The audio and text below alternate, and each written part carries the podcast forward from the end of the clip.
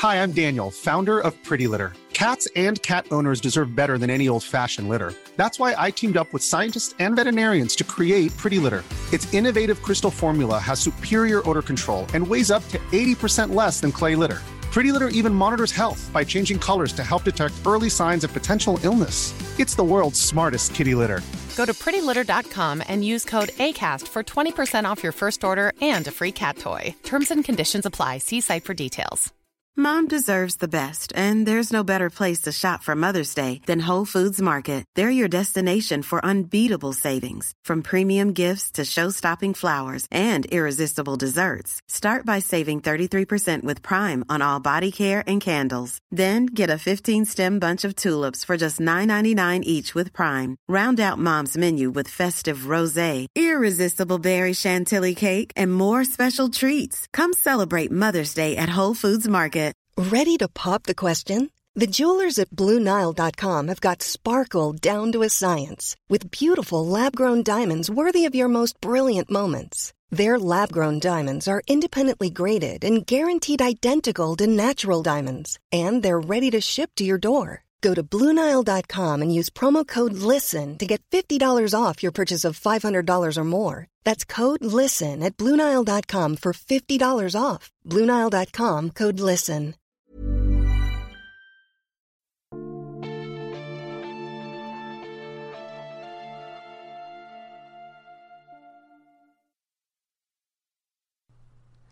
Seriemördarpodden Fritz Harman Välkomna till Sagan om Isfolket-podden. Jag heter Dan och med mig har jag Anna. Hej Anna! Hej Dan!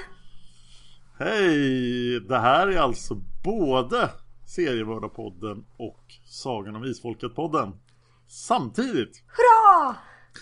Ja, och tanken med det är att jag länge har funderat på hur jag ska kunna göra ett avsnitt som jag kan sända i två av mina poddar.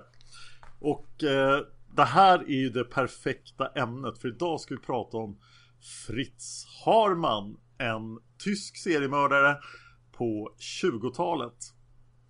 Mellan första och andra världskriget alltså. Och han har ju en viktig roll i Sagan om Isfolket. Men innan vi pratar om den så tänkte jag att du skulle få berätta för seriemördarpodden-lyssnarna vad Sagan om Isfolket är för någonting. Ja, Sagan om Isfolket är världens kanske bästa bokserie. Vi börjar där så alla förstår att jag är grymt opartisk. Jag med. Sagan om Isfolket är en svensk-norsk serie som skrevs av författarinnan Margit Sandemo. Den täcker 60 böcker, vi rör oss över 900 år och den handlar om en familj som heter Isfolket. Det är en episk släkthistoria som handlar då om Isfolket som har blivit förbannade av sin onde stamfader. Och detta gör att de att vissa i släkten föds med magiska krafter. Men detta gör också att de bär ett fruktansvärt ok i form av eh, att de är utstötta ur samhället. Och de försöker då under, sin, under åren lösa detta och se att bli, få leva vanligt liv. Och allt som serien fortgår så väver Margit in element både från riktiga historiska händelser till fantasy-element till lite övernaturliga element. Och eh, när sagan rör sig in på 1960-talet så får vi stifta bekantskap med Fritz Harman. Vilket ju är överraskande eftersom Fritz dog den 15 april 1925. Men vi får alltså stifta bekantskap med Fritz Harmans eh, spöke. Är det verkligen ett spöke?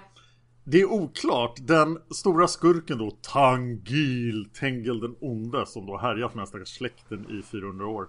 Han animerar på något sätt Fritz Harman att bli hans nummer två, den som ska, eller nummer ett då, hans, hans second in command som ska leda ondskans styrkor när Tengil den onde försöker ta över världen. Och han väljer just Fritz Harman för att när Margit tittade igenom så onda människor där hon satt på 80-talet så kom hon fram till att Fritz Harman var den ondaste människan i hela världen. Och det här är ett sånt otroligt briljant grepp av Margit för att eh, nummer ett då, alltså Fritz Harman, dyker upp i sagan några böcker innan det avslöjas vem man egentligen är.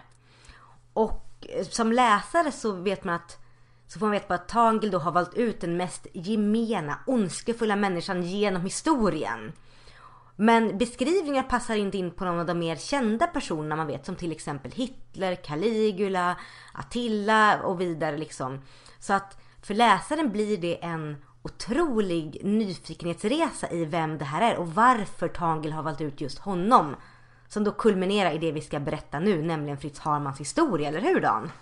Just det, och det är till och med en person i Isfolket som i princip researchar avsnitt. Han sitter och läser om seriemördare på ett bibliotek och det kommer upp en massa grejer om seriemördare.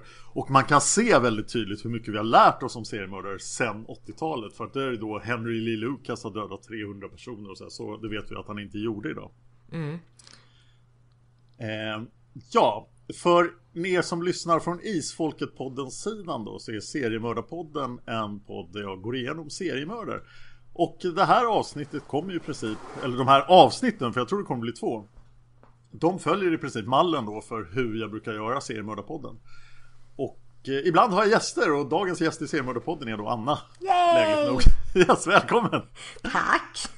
eh, men för er Isfolket-podden-lyssnare då så vill jag utfärda en varning för att det här kommer att bli helt fruktansvärt våldsamt. Det kommer att vara, det här är en, en av de otäckare seriemördarna jag har tagit upp. Och det kommer innehålla fruktansvärda våldsdetaljer så att eh, jättevarning för avsnittet om ni är det minsta känsliga. Eh, Fritz Harman är ett litet snällt lamm när han är lynx i Isfolket. Han är mycket, mycket värre i verkligheten. Ja, och det kan jag också säga att den boken som researchade Fritz Harman i Isfolket-sagan, där man går igenom vad han gjort, den fick mig redan då och fortfarande att må väldigt illa. Så att det här avsnittet ska bli spännande, så om ni hör mig springa iväg så förmodligen jag måste kräkas. Ja, det hör ju till saken att Anna i vanliga fall inte lyssnar på Seriemördarpodden. Jag har gjort det några gånger. Aha, vad har du för favoritavsnitt då? Eh, det var det jag lyssnade på då. Det var, när jag, det var när jag tatuerade mig och min tatuerare tyckte vi ska lyssna på världens bästa podd och slog på din podd. Och då var det, vad var det? Det var um, Old Lady Killer. Jaha, Juana Barraza. Precis. Okej, nu ska vi komma till saken här och börja berätta historien om Fritz Harman. Mm. Vill du börja? Ja.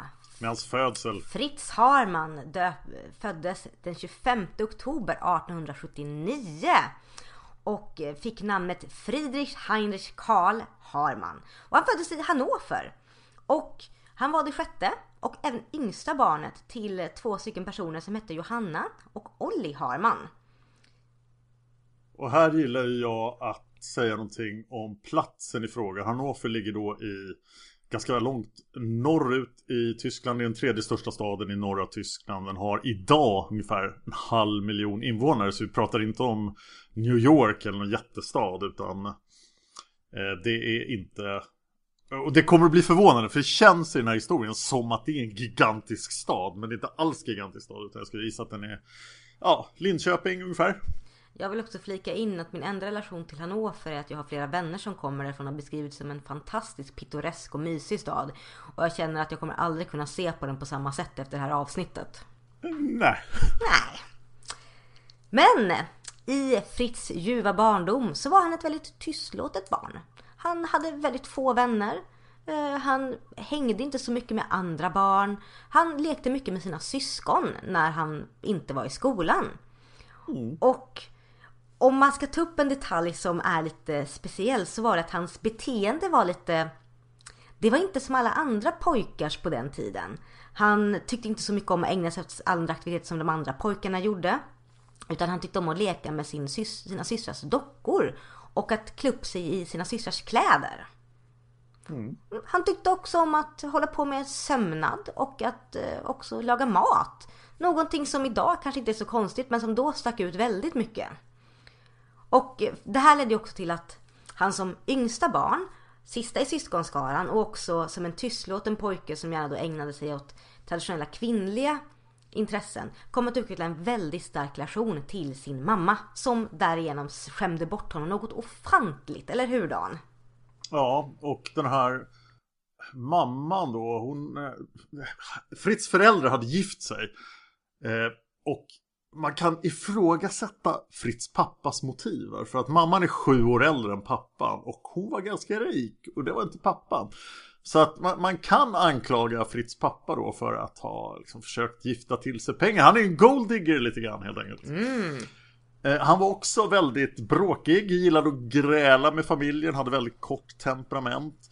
Men han hade, tyckte det var väldigt roligt, Fritz pappa då, att vara otrogen. Yay! Så det var han ofta. Och eh, tyvärr så drog han på sig syfilis då som han eh, glatt spred och förmodligen till Fritz mamma.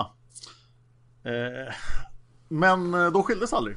De gjorde aldrig det? Utan, nej, de, de höll ihop. Och eh, vi kommer att se att Fritz pappa faktiskt verkar vara en företagsam man också. Och har för sig alla möjliga konstiga saker. Så varje gång vi kommer att checka in med honom så har han liksom ett nytt projekt på gång. Så att han, han var inte helt eh, oanvändbar. Eller vad ska man säga? Han var inte helt värdelös. Nej. Han var ingen vidare make dock. Utan, men föräldrarna håller ihop hela livet. Det var väl inte så vanligt på den här tiden heller att man skilde sig? Nej, det är sant. Det, var, det, tog det, det förekom men eh, det var ingen lättvindig, lättvindig beslut. Nej.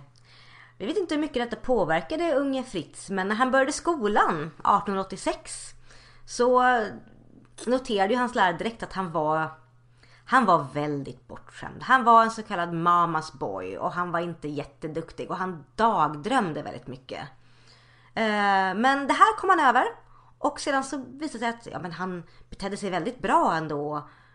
Men han betedde sig bra men hans, eh, vad säger man, han var inte duktig i skolan. Det var, Han, han hade gott uppförande men han fattade inte vad de försökte lära honom. nej så att hans betyg var väl inte de bästa. Och eh, han fick gå om ett år två gånger till och med. Det är ju ganska allvarligt. Ja. Eh, En gång kan man gå om, men gå om två gånger då ligger man efter. bra.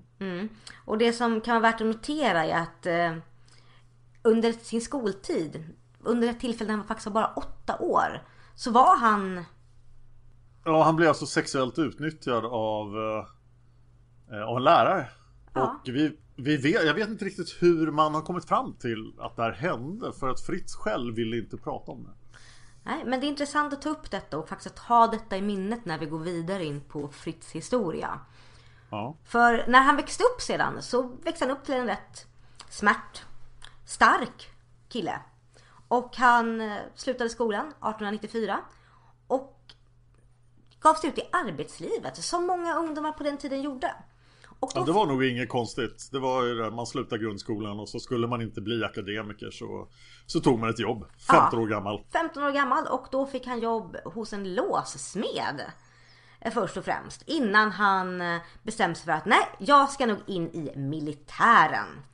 Och då listade han sig på militärakademin i Breisach. Och när hans militärträning började den 4 april 1895 så var han ungefär 16 år gammal. Ja, han är, han är född i oktober så att han är bara 15 och ett halvt. Ja, alltså, det är när han faktiskt. Han börjar träna till militär. Men jag tror att det är, det är inte militärtjänst liksom, utan det är, det är någon slags ungdomsprogram för blivande militärer. Mm. Hoppas jag att de inte tog in 15-åringar i armén. Jag tror faktiskt att det här, att han tränar rätt hårt för att vara, bli militär. Mm, och det funkar bra i fem månader. Mm. Eh, och han får bra betyg och så här. Men sen börjar han plötsligt eh, svimma. Oj! Spontant. Ja, han eh, tappar medvetandet bara. Ja, skjut där på bana tre. Eh, Fritz, Harman, vakna! Och det här är någonting vi inte hade sett, eller det finns inga belägg för att detta hade hänt tidigare i hans ungdom, eller hur? Nej, och eh, läkarna som militären har då, de står helt handfallna. De tror att det här är någon slags tecken på panikångest. Och någon läkare säger att eh, det här är ungefär som epilepsi. Men det är inte epilepsi. Nej, för epilepsi är ju helt annat än att man bara svimmar av. Ja, de verkar stå helt handfallna och bara säger någonting för att det måste stå någonting i papperna.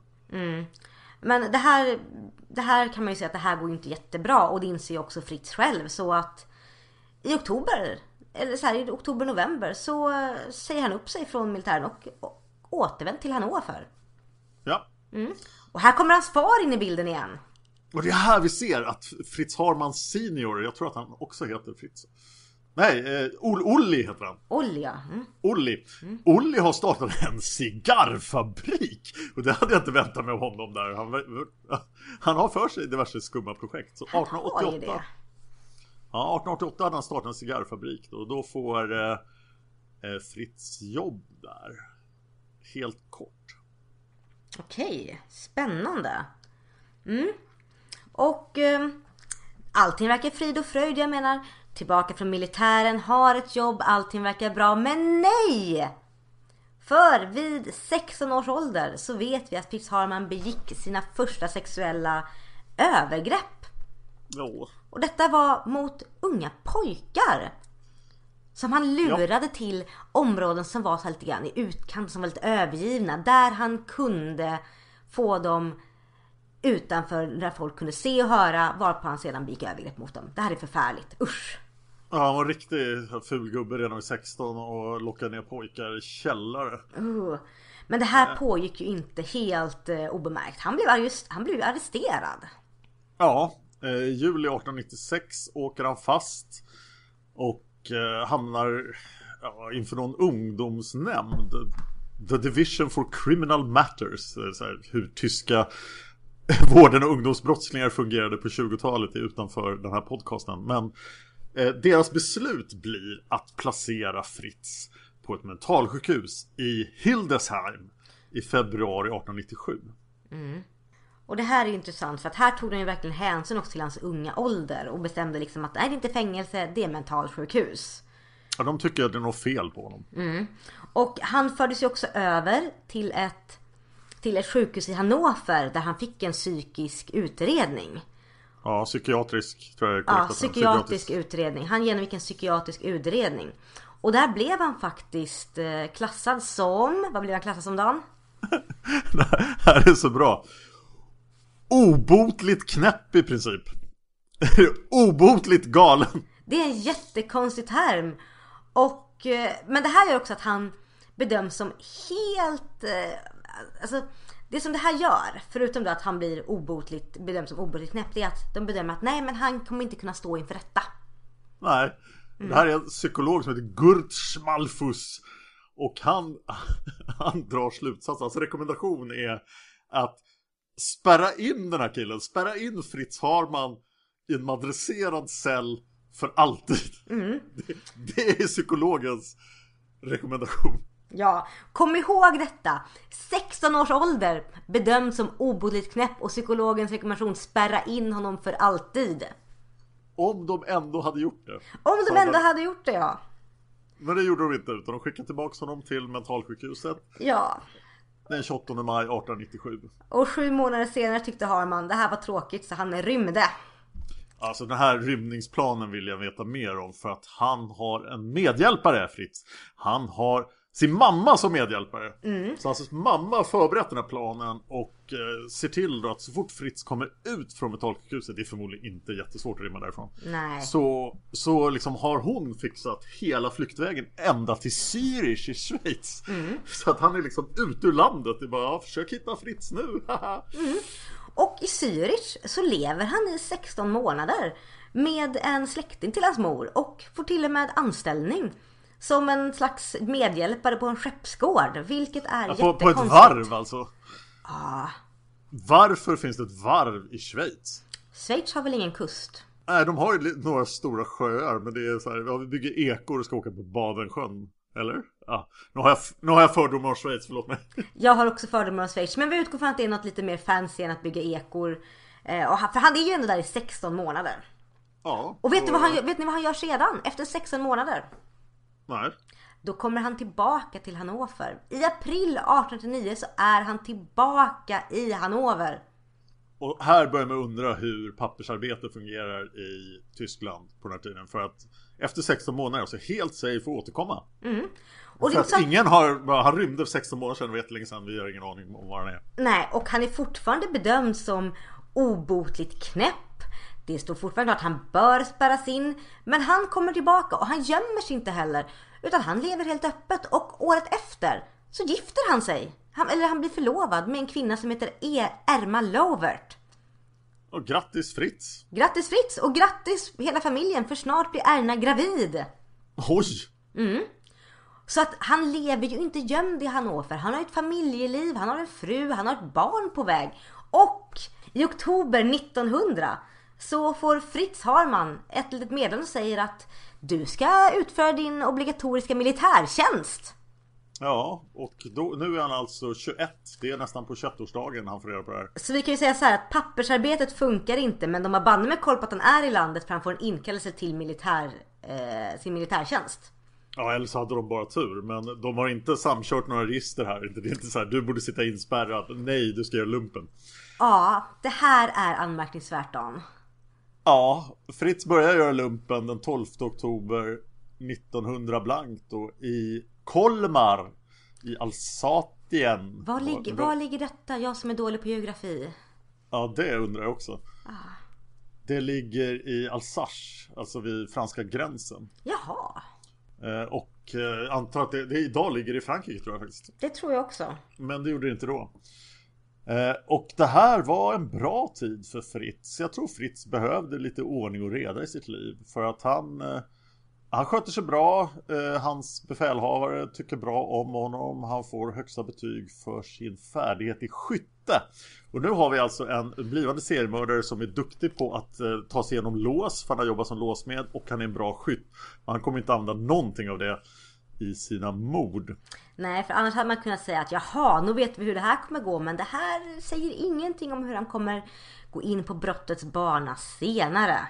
Nej, han tycker det här var hans lyckligaste tid i hela livet när han jobbade för tionde gevärsbataljonen i Kolmar. Ja, men hur var det nu? Han hade ju haft problem innan i livet. Ja, han lyckas hålla sig vid medvetande i ett år i militären men i oktober 1901 så börjar han bli yr och svimma igen. Aj, aj, aj. Och då hamnar han på militärsjukhus och där ligger han i fyra månader innan militären ger upp. Och eh, till slut ger de honom sparken. Eh, det, är en, det är så här, vad heter det på svenska, ärofull. Alltså han får, han får sluta men han får fina betyg och de rekommenderar honom och sådär. Och det händer den 28 juli 1902. Ja, och eh, där står ju Fritz Harman då. Han hade sin lyckligaste tid i livet men nu är han då, om en ärofyllt så är han ändå, han har ändå fått sparken på ett sätt. Med fina vitsord. Han har fått en jättehemsk diagnos också. För det här är en annan diagnos som inte utfärdas längre. Utan det var också så här, när läkare inte vet vad som händer. Så har han fått för tidig demens. Blir hans diagnos. Han är Så- alltså så han är- 23. Så han är 23 och har nu diagnoserna obotligt knäpp och för tidigt dement. ja. Men han får något fint av militären också. Jaha, vad får han då? Han får en månadspension. Han får 21 guldmark i månaden av militären. Det är ändå rätt mycket på den här tiden, eller hur? Ja, det är en slags pension då som, så att han ska klara sig eftersom han ju ja, gjorde sin militärtjänst men tyvärr inte hade hälsan. Och ja, där står ju Fritz. Men efter det här så återvänder ju till Hannover. Till sin, till sin fästmö. Ja, hon, hon blev överraskad. Han har varit borta i två år. Och bara oj, shit, du kommer hem. Oj, hej och hå. Och eh, Fritz Harman står ju inte utan jobbalternativ. Utan han fortsätter ju att jobba i den här lilla eh, affärsverksamheten som hans far har. Men sen Ja. händer någonting. Oj, vad det händer saker. Ja, han stämmer sin pappa. Han stämmer Olli. För att Olli har tvingat honom att arbeta trots att han har ju det här eh, utlåtandet från militären att han inte kan jobba för att han är så sjuk. Och det blir då, det här kommer upp i civilrätten på något sätt. Och eh, Olli kämpar emot där och de får dra in advokater och så vidare men eh, det, det blir ingenting av det till slut. Nej. Men det här är ju inte slutet på far och sons eh, historia. För att året efter så går det till våld. Ja, ja, ja, de börjar slåss. Ja, och det leder till att de, de, får, de har en riktigt stort bråk med knytnävar så vitt jag förstår. Och det här leder till att Olli då eh, vidtar legala åtgärder mot sin son. Där han hävdar att han har fått motta muntliga dödshot och blivit, eh, vad säger man, svartmålad. Ut, utpressad. Utpressad, tack så mycket. Och vill använda detta som en... Vill använda det här då, de muntliga dödliga hoten och utpressningen för att få sin son tillbaka till mentalsjukhuset. Och det är intressant. Spärra in min son på, för alltid tack. Mm. Och här har vi ju en väldig skillnad mellan modern som hjälpt sin son att fly från mentalsjukhuset och fadern som då säger nej, spärra in min son för Guds skull. Det hör till saken här också att Fritz mamma har dött 1901 så att hon är inte längre med i, i matchen här och kan inte rädda sin son från, från Olli. Men rätten här då, vi kommer hela tiden i den här historien se hur rättsväsendet i Tyskland på den här tiden inte gör sitt jobb. Mm. För att eh, de tittar på det här och säger, var är bevisen? Och då säger Olli, men, men, men, och sticker de, äh, fanns inga bevis, vi lägger ner. Mm. Och då, kom ihåg, Fritz Harman är bedömd som obotligt knäpp och eh, tidig demens. Men de gör faktiskt en... De tvingar faktiskt Harman att ta en, en psykiatrisk utredning igen. Ja. I maj 1903 eh, så gör doktor Andrei en utredning. Och han kommer då överraskande fram till att Harman inte är mentalsjuk. Mentalsjuk alls. Men han är moraliskt underlägsen. Mm. Intressant, håll fast vid den tanken. Moralisk underlägsen men inte mentalt instabil. Det är ganska långt ifrån så här för tidigt dement och eh, obotligt galen. Precis. Men med detta så verkar det som ändå som att det lägger sig lite grann mellan far och son. För, eh, han, för Olli stöttar ändå sin son och ger honom finansiellt bidrag så att Fritz och hans fästmö kan öppna en fiskaffär. En fiskaffär. För det är det man vill ha i Hannover jag fattar inte den här relationen mellan far och son här. Okay.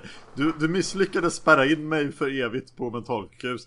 Kan jag få låna lite pengar och öppna en fiskaffär? Absolut min käre son. Jag vet att du är galen men ta lite pengar och ägna dig åt fisken. Fritz försöker dock, han är kanske lite för stolt för att ta ett lån av pappa. Han försöker jobba som försäkringsförsäljare. Men det... Eh, han blir officiellt klassad som handikappad och oförmögen att arbeta av just den tionde armén. Och det är säkert han som ligger bakom det, att han får någon slags offentligt utlåtande att han inte kan arbeta. Men han ska ändå öppna en fiskaffär. Och han får en högre militärpension också av militären. Jaha, varför detta? Ja, för att de då officiellt klassar honom som handikappad. Eh, men han ska ändå öppna fiskaffären, så att han försöker ju lura dem verkar det som. Och nu är det så här, nu måste jag liksom backa för att Erma Lovert som, till, som var gravid med eh, hans barn tidigare. Ja. Mm. Hon bestämmer sig för att nej, nu, eh, nu får det vara nog. Jag vill inte vara i det här förhållandet längre. Så hon avslutar deras förlovning. Ja, det här, det här var konstigt skrivet för den här graviditeten verkar vara i tre år. Men jag tror att det är ett nytt barn. Jag tror att det är ett jag nytt barn. Ja, jag tror också att det finns ett barn och nu är det ett till barn. Och... Mm. Men hon, hon drar och eh, enligt Fritz Harman då så påstår han att det här berodde på att han hade anklagat henne för att hon eh, var otrogen med en student. Oj, oj, oj. Och det är värt att notera att fiskaffären hade aldrig blivit registrerad i hennes namn. De ägde den inte som ett par. Ja, den stod i hennes namn, ja, inte i hans namn. Jaha. Eh, så att hon, det var hon som ägde fiskaffären. Mm. Så att hon kunde bara, kan du eh, gå ifrån, vi har skilt oss, kan du dra från min fiskaffär? Mm. Så här har vi det att Fritz fick alltså låna pengar av sin far för att öppna en fiskaffär men det stod inte skriven i hans namn så när skiten väl träffade fläkten så blev han utkörd därifrån. Och nej! Ja, alltså nu är alltså Fritz har inget jobb, han har ingen fästmö, han är skyldig sin pappa en massa pengar. Affären som hans pappa investerade i ägs av hans före detta fästmö. Ja, och vad gör man då när man står på bar backe och är bedömd som moraliskt underlägsen men inte mentalt instabil. Man är inte, man är inte fit för att jobba. Man är pank, man har ingen fästmö. Ens mamma som älskar har dött. Vad gör man då? Vad, vad, vad, tar man till för karriärutväg? Jo, nu är det dags att bli kriminell. Japp.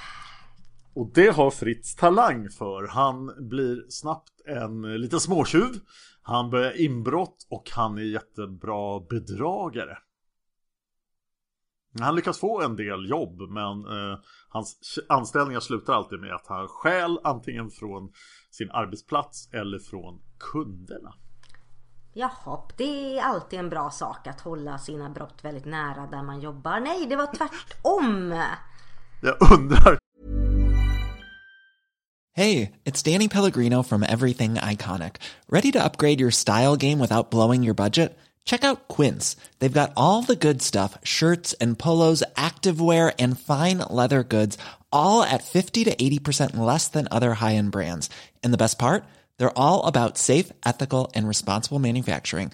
Get that luxury vibe without the luxury price tag. Hit up quince.com slash upgrade for free shipping and 365 day returns on your next order. That's quince.com slash upgrade.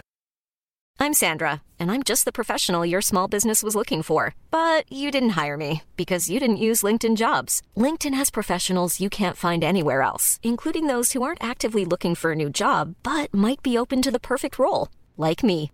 In a given month, over 70% of LinkedIn users don't visit other leading job sites. So if you're not looking on LinkedIn, you'll miss out on great candidates like Sandra. Start hiring professionals like a professional. Post your free job on linkedin.com/people today.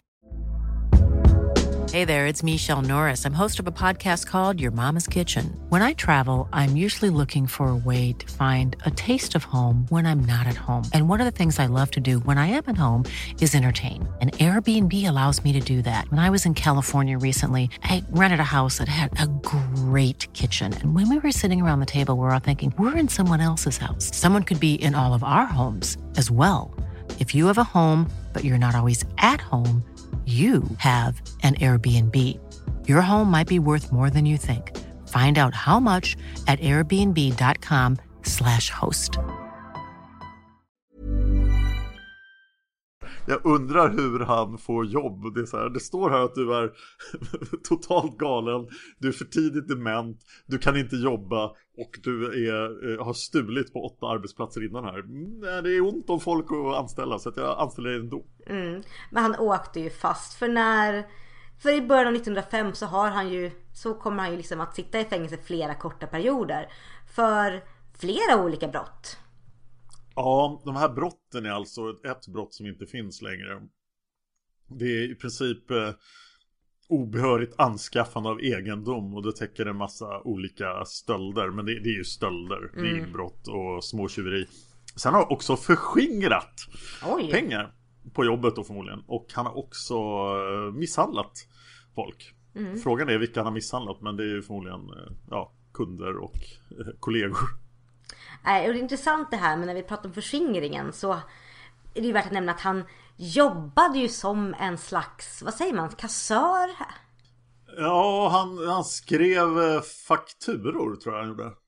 Och detta var ett jobb han ändå fick. Han har ingen som helst erfarenhet innan så vitt vi vet. Men han fick ändå det här jobbet. Ja, och där har han en kvinnlig kollega och han berättar senare en helt otroligt konstig historia om den här kvinnliga kollegan. Som vi kan kalla för Lara Croft. Nej, jag vet inte vad hon heter. Men tillsammans så plundrar de gravar i åtta år. Han och den här kvinnliga kollegan är liksom ute och snor saker ur gravar. När du säger snor saker. Ja, de gräver upp gravar och ja, vad de nu gör med dem. Jo. Klä... Jo. Ja. Mm. Eh, Men det här har inte ens utretts tror jag och ingen har någonsin åtalat henne för det. Nej. Han, han verkar ju inte ha tid med det riktigt heller för han sitter det mesta delen av tiden. Han har korta små fängelsestraff. Men mellan 1905 och 1912 så spenderar han majoriteten av sin tid i, i fängelset. Och 1913 sent där så blir Harman återigen arresterad. För rån. Konstigt nog. Det är inbrott tror Det jag. är faktiskt. inbrott, ja. Ja. Harman blir arresterad för inbrott och när man letar igenom hans hem så hittar man väldigt mycket konstiga saker, lite små grejer och stora saker som polisen effektivt gör, som gör att polisen effektivt kan koppla honom till flera andra inbrott i området. Och Harman, han nekar ju. Han säger jag är helt oskyldig. Jag vet inte vad som har hänt. Sakerna måste ha ramlat in under natten. ja. Men det hjälper inte. Oj vad det inte hjälper. Nej, det här är verkligen så här, men du verkar ju ha begått alla inbrott vi har haft de senaste åren i det här området. Så eh, det blir åtal och rättegång och Fritz döms till fem års fängelse. För som sagt, det här är en längre fängelsedom, inte som kort, de kortare han haft innan. Nej, nu på riktigt. Nu, är det, nu ska du sitta i fängelse Fritz. Ja. Men då händer det en sak och det som händer är första världskriget. Ja, det påverkar ju allt. Tyskland har ju ont om folk att slänga ner i skyttegravarna då Så då måste de börja använda fångar till någonting De kan ju inte ta ut fångarna i kriget För det är ju inte så bra Men eh, de kan ju sätta dem på att göra jobb Precis. Som soldaterna inte hinner göra Och han får ett väldigt konstigt jobb Vad är det han jobbar med egentligen? Ja, jag vill beskriva det som någon form av glorifierad vaktmästare. Ja, vaktmästare slash trädgårdsmästare slash allt i allo. Mm. På herrgårdar? Ja, för när man tar ut en person när man går igenom fängelset och ser vem kan vi sätta som vaktmästare, trädgårdsmästare, allt i allo på herrgårdar i eh, nära den lilla staden som heter Rendsburg. Vem i fängelset har vi då? Ja men vi har en kille här. Han har varit arresterad för inbrott, bedrägeri, rån och lite annat. Han skulle nog vara perfekt att sätta där. Det verkar jättekonstigt. Han kanske är någon form av dräng men eh, Så skickar de till herrgårdarna och han får gå från fängelset varje morgon och obevakad och sen är det så här Fritz du måste komma tillbaka på kvällen till fängelset så vi kan spärra in dig. Mm. Och Fritz bara ja visst. Mm, men det, det, är lite konstigt. Men det här är de sista åren av hans fängelsestraff så han blir ju släppt i april 1918. Och efter det så flyttar han, inte till Hannover, inte tillbaka till Hannover utan flyttar till Berlin. En kort ja. vända. Men sedan så känner han att Hannover är ändå staden han vill vara i så då kommer han tillbaka till Hannover. Ja, där han flyttar in hos sin syster. Grattis Fritz syster! Mm, för kommer ni komma ihåg, Fritz har fem stycken syskon, alla äldre. Ja. Mm. Eh, ja, jag måste ju gå tillbaka till det där med att eh, alltså Fritz faktiskt kom tillbaka till fängelset varje kväll. Det var så han tillbringade stora delar av första världskriget. Gå iväg, vara dräng, gå tillbaka till fängelset och han rymmer aldrig. Mm, nej. Men där ser vi att han, det som man kunde se om man tittar på hans tid i militären var att han verkar tyckt om de här rutinerna. Ja det gör han nog. Mm. Det, hans syster skulle dock föredra en rutin som inte involverade Fritz boendes i hennes lägenhet. Så ja. att hon slänger ut Fritz och han hyr en etta. En liten etta i augusti 1918. Mm. Och här, här, nu är vi ju 1918, kriget är Kriget är snart förlorat och eh, om man tittar på vad Harman själv säger så är det så att han blir fattig. Oj vad fattig han blir. Han blir jättefattig och eh, det är inte bara han utan han sitter och reflekterar där. Liksom, vad har hänt med mitt stackars land? Liksom, alla är ju jättefattiga. Det här är ju eländigt. Tänk vad stolt Hannover var för 20 år sedan men det är inte längre så utan Tyskland har utarmats av första världskriget. Är det lite patriotisk anda vi anar i Harman nu? Ja, det känns som att han är olycklig över samhällets misär här. Men det är nog bara ett sätt att poetiskt beskriva eh, och försöka motivera varför han omedelbart börjar stjäla saker igen. Ja, jag tänkte precis säga det. För hade han varit en patriot hade han kanske inte börjat sno saker utan kanske gjort något lite mer produktivt. Han skaffar sig en ny färdighet också. Han har blivit en duktig eh, hälare. Mm. Eh, och han och smugglare. Så att han börjar, liksom, han är inne på svarta marknaden och blir en så här, ja, börshaj där och köper och säljer saker. Och det här rör sig väldigt mycket om runt Hannovers stora centralstation. Mm. Där tågen kommer till Hannover. Och den här centralstationen kommer att bli som ett, ett fokus för Fritz Harmans brottslighet. Och nu, nu börjar han sälja och köpa smuggelgods på stationen men det kommer att bli mycket värre. Ja, och värt notera att svarta marknaden var ju en otrolig källa för människor i Tyskland att få, få tag på det de faktiskt behövde. Både för att leva men också för att överleva och skaffa sig lite mer extra rikedom under den här tiden. Den var otroligt stor. Ja. Mm. Och Tyskland har blivit helt utarmat av eh, det här freden i Versailles. Då. Eh, eller den som skrevs på i den där järnvägsvagnen. Mm. Så att eh, Tyskland får inte ha någon armé. Och Tyskland får inte handla med vapen.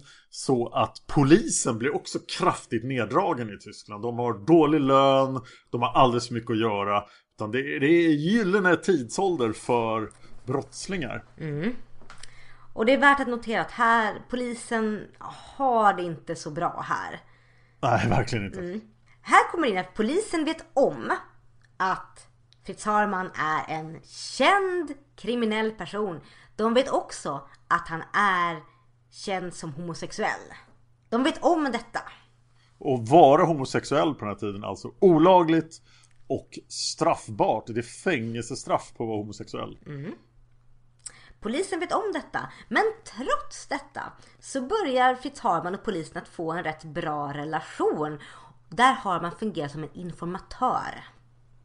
Ja, Harman blir tjallare och här tror jag vi ser hans bedrägerifärdigheter igen. Alltså han är han var hej jag kan hjälpa er och polisen är desperata för frivillig hjälp. Jag tror det är många frivilliga som jobbar för polisen här.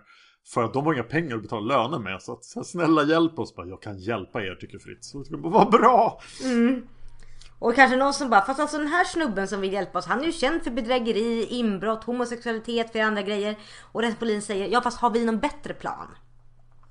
Precis, så Fritz säger jag kan patrullera Hannoverstationen och så gå runt där och se vad som händer.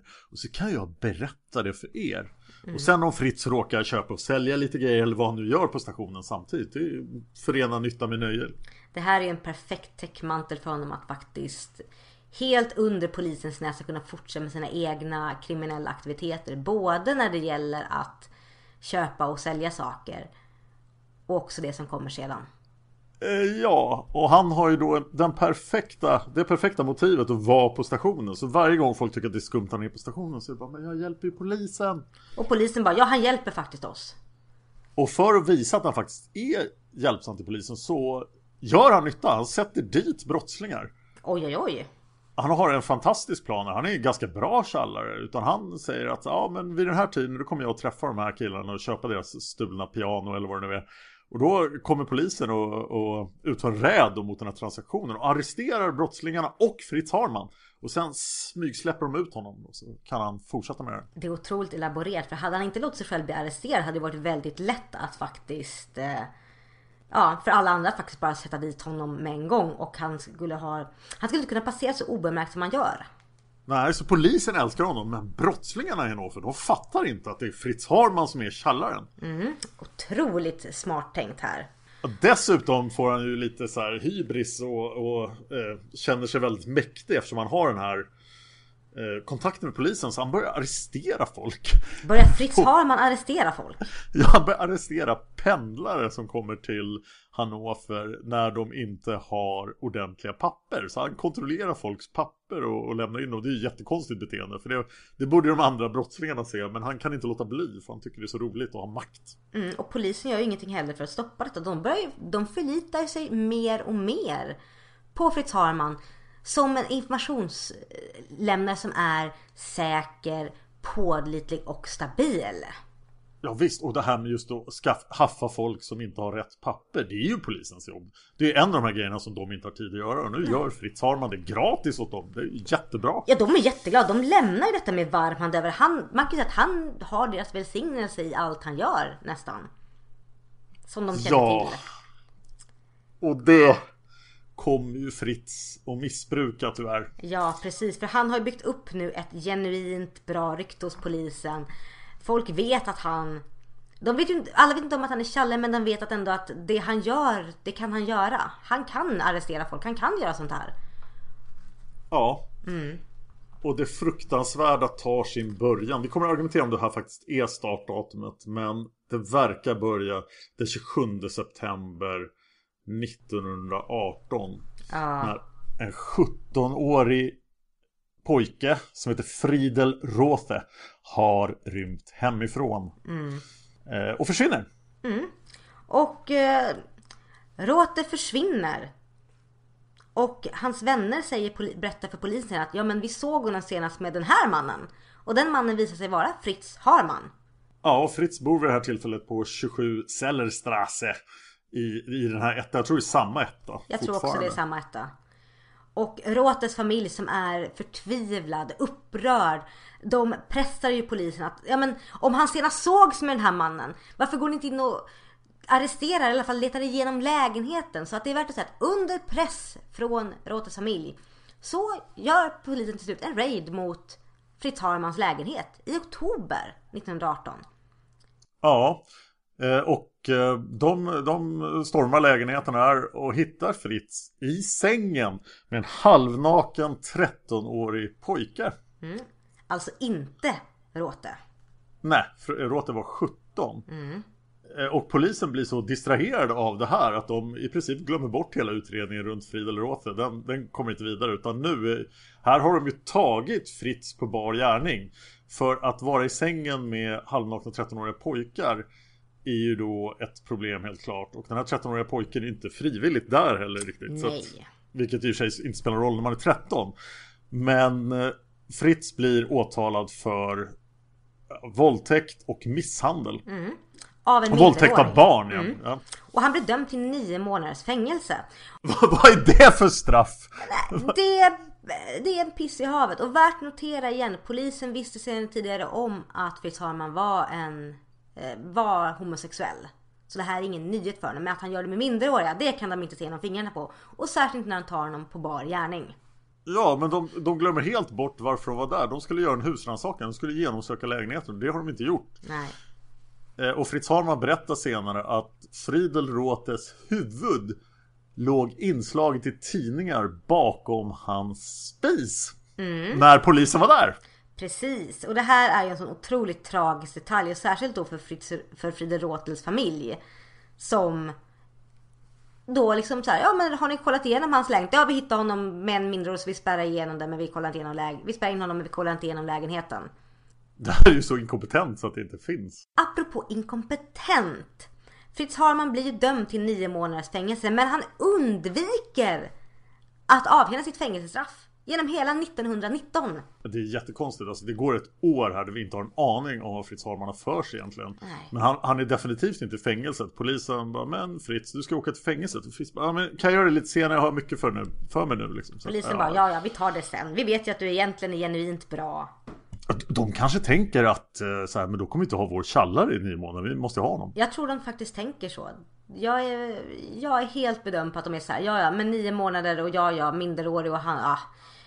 Men har vi, har vi något annat? Det kanske är så. Det kanske är så att Fritz är den enda som lyckas lösa brott i hela Hannover. Ja, eller jag tror i alla fall att Fritz har lyckats linda polisen så mycket runt sitt lillfinger att, de, att han är övertygad om att de inte kan klara sig utan hans kompetens. Någonting sånt måste det vara. Jag tänkte, nej vänta, Friedel Roth är fel. Ganska snart ska vi prata om hur folk faktiskt blir mördade av Fritz Harman. Vi ska inte prata om det än, för just det här mordet på Friedel Roth kan vara annorlunda. Vi kommer, ja vi har kommit fram till oktober 1919. Fritz Harman har fortfarande inte avtjänat sitt fängelsestraff. Nej, men han träffar på, eh, han är på stationen förstås. Och där träffar han på en 18-åring som heter Hans Grans. Eh, Hans Grans har rymt hemifrån, han bråkade med sin pappa den 1 oktober och nu, har han, nu är han hemlös i princip. Eh, Han har livnärt sig på att sälja gamla kläder runt Hannoverstationen i två veckor och det har gett honom precis så mycket pengar som han behöver för att köpa tillräckligt med mat för att inte dö. Och efter de här två veckorna så stöter han på Fritz Harman Aj, på. Hannoverstationen. Och nu tror ni att Hans Grans kommer att bli brutalt mördad. Men här händer någonting väldigt märkligt. det, det är väldigt svårt att förstå i den här historien. För alltså de, de träffas på stationen. Och det verkar i princip som att Fritz Harman blir upp över öronen förälskad vid första ögonkastet. Men han tycker att den här, den här Hans Grans är liksom ja, hans perfekta livskamrat då. Och Hans Grans märker här då. Han har ju hela tiden hävdat att han var heterosexuell. Men han säger också att det var han som tog kontakt med Harman för han visste att Harman var homosexuell, det kunde han se på honom. Och då tänkte han, då kan jag sälja min kropp till Fritz Harman. Alltså, Hans Grans var ju helt, han var jättefattig och desperat här. Men då kan jag sälja min kropp till Fritz Harman så får jag någonstans att bo, jag får mat. Och eh, han hade hört rykten då om att, nej han hade inte sett det, han hade hört rykten om att Fritz var homosexuell. Och, men det här leder till att Fritz Harman då är kär över öronen och Grans och Fritz Harman flyttar i princip ihop. Ja, det här, är- det här är ett märkligt förhållande. Ja, de blir ett kärlekspar och Grans blir ju också inte bara Fritz Harmans älskare utan också hans partner in crime på ett sätt. Ja, och det är där en av de här stora gåtorna med det här fallet finns. Hur Ja. mycket vet Hans Grans om vad som händer? Eh, och hur, hur kriminell är Hans Grans? Fritz har sagt att eh, han såg Hans Grans som sin son men han, det var ju ganska äckligt förhållande till sin son då. Ja precis, jag tror att det där är mycket en ursäkt för att så här, nej nej men jag är inte homosexuell egentligen eftersom homosexualitet är ett brott på den här tiden. Ja, han sa, han sa också att han, han tog upp Frans, eller eh, Hans ur rännstenen och såg till att inte hundarna åt upp honom. Ja. Eh, och det, det, man tänker här att Fritz Harman är den som utnyttjar Hans Grans men Hans Grans lyckas på något sätt ta över i det här förhållandet och han kommer att utnyttja Fritz Harman också. Och ibland hånar han Harman och Harman börjar känna sig underlägsen till Hans Grans. Mm. Det, här, det här förhållandet är otroligt komplext. Det är jättekomplext och när vi pratar om att Harman känner sig underlägsen grann så är det också viktigt att komma ihåg att tidigare år, precis som vi pratade om, så är det så här att Harman har ändå fått diagnos att han är moraliskt underlägsen. Mm. Ja, det är sant. Precis. Och de bråkar ständigt och grälar och du kommer att se att de här grälen blir väldigt avancerade. Mm. Eh, Men senare sa också Fritz, eh, Fritz Harman att eh, han stod ut med Hans Grans hemska behandling. För att han, han var tvungen att ha Hans Grans närvaro och värme och kärlek. Mm. Jag var tvungen att ha någon som jag betydde allting för, säger Fritz. Detta är intressant och men nu kommer vi också till det här att vi kommer också till det här faktum att Fritz Harman har fortfarande inte suttit av sin nio månader sitt nio månader långa fängelsestraff för att han var i säng med en 13-årig pojke 1918. Men i slutändan så händer detta mellan mars och december 1920. Ja, han har då haft det här förhållandet med Hans Grans i fem månader. Han är från jättelycklig och nyförälskad. Då kommer polisen och säger så här. "Nej, Nu måste du faktiskt sitta i fängelse Fritz. Mm. Och Fritz bara nej. I find the love of my life. Men tydligen så klarar deras förhållande av fängelsestraffet. För när väl Fritz Harman släpps så, har han, så vinner han åter polisens förtroende. Ja. Ja, han blir deras tjallare igen. Och Ja.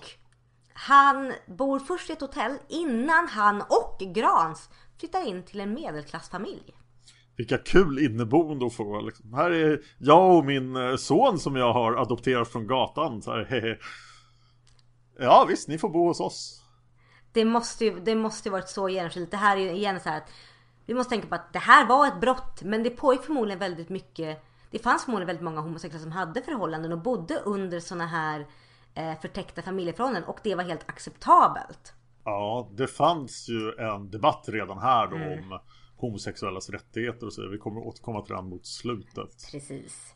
Man hittar inte lägenheter i Hannover med hjälp av mäklare utan man hittar dem med hjälp av de kriminella killarna på stationen. Eh, så via sina kontakter får Fritz reda på att det finns en ledig lägenhet på bottenvåningen på 8 Neustrasse. Eh, det här är ett Eh, i, i stadens kärna gammalt hus. Ligger vid Leinefloden, Leinefloden, L-E-I-N-E. Och den här floden kommer att spela en stor roll i den här historien. Eh, så Fritz går dit, han säger jag vill hyra det där, eh, den här lägenheten och då säger hyresvärdinnan att ja men man får bara ha lager där för den lägenheten går inte att bo i så här. Men inte skulle jag bo i lägenheten Mhm. jag hyr tycker Fritz. Och sen flyttar han och Hans Grans in i lägenheten den första juli 1921. Det är deras första gemensamma lägenhet. Det är. Ja, och där slutar vi den här historien och så blir allting lyckligt och bra, eller hur? Ja, de levde lyckliga alla sina dagar. Ja. Nej. Utan i nästa avsnitt kommer vi att prata om eh, vad som händer i Fritz och Hans förhållande. Men det kommer att bli nästa avsnitt. Mm, så vi hörs då. Hej då! Hej då. Och tack för att du ville vara med! Tack så jättemycket för att jag fick vara med. Ja, och tack för att ni lyssnar på Isfolkspodden och Seriemördarpodden.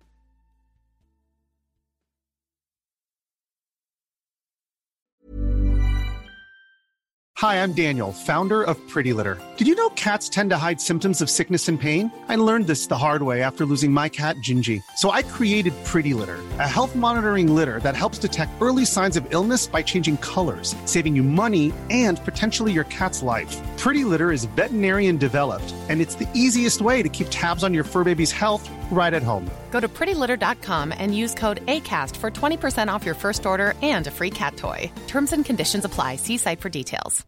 Hi, I'm Daniel, founder of Pretty Litter. Cats and cat owners deserve better than any old fashioned litter. That's why I teamed up with scientists and veterinarians to create Pretty Litter. Its innovative crystal formula has superior odor control and weighs up to 80% less than clay litter. Pretty Litter even monitors health by changing colors to help detect early signs of potential illness. It's the world's smartest kitty litter. Go to prettylitter.com and use code ACAST for 20% off your first order and a free cat toy. Terms and conditions apply. See site for details. Even when we're on a budget, we still deserve nice things. Quince is a place to scoop up stunning high-end goods for 50 to 80% less than similar brands. They have buttery soft cashmere sweaters starting at $50, luxurious Italian leather bags, and so much more. Plus, Quince only works with factories that use safe, ethical, and responsible manufacturing. Get the high-end goods you'll love without the high price tag with Quince. Go to quince.com/style for free shipping and 365-day returns.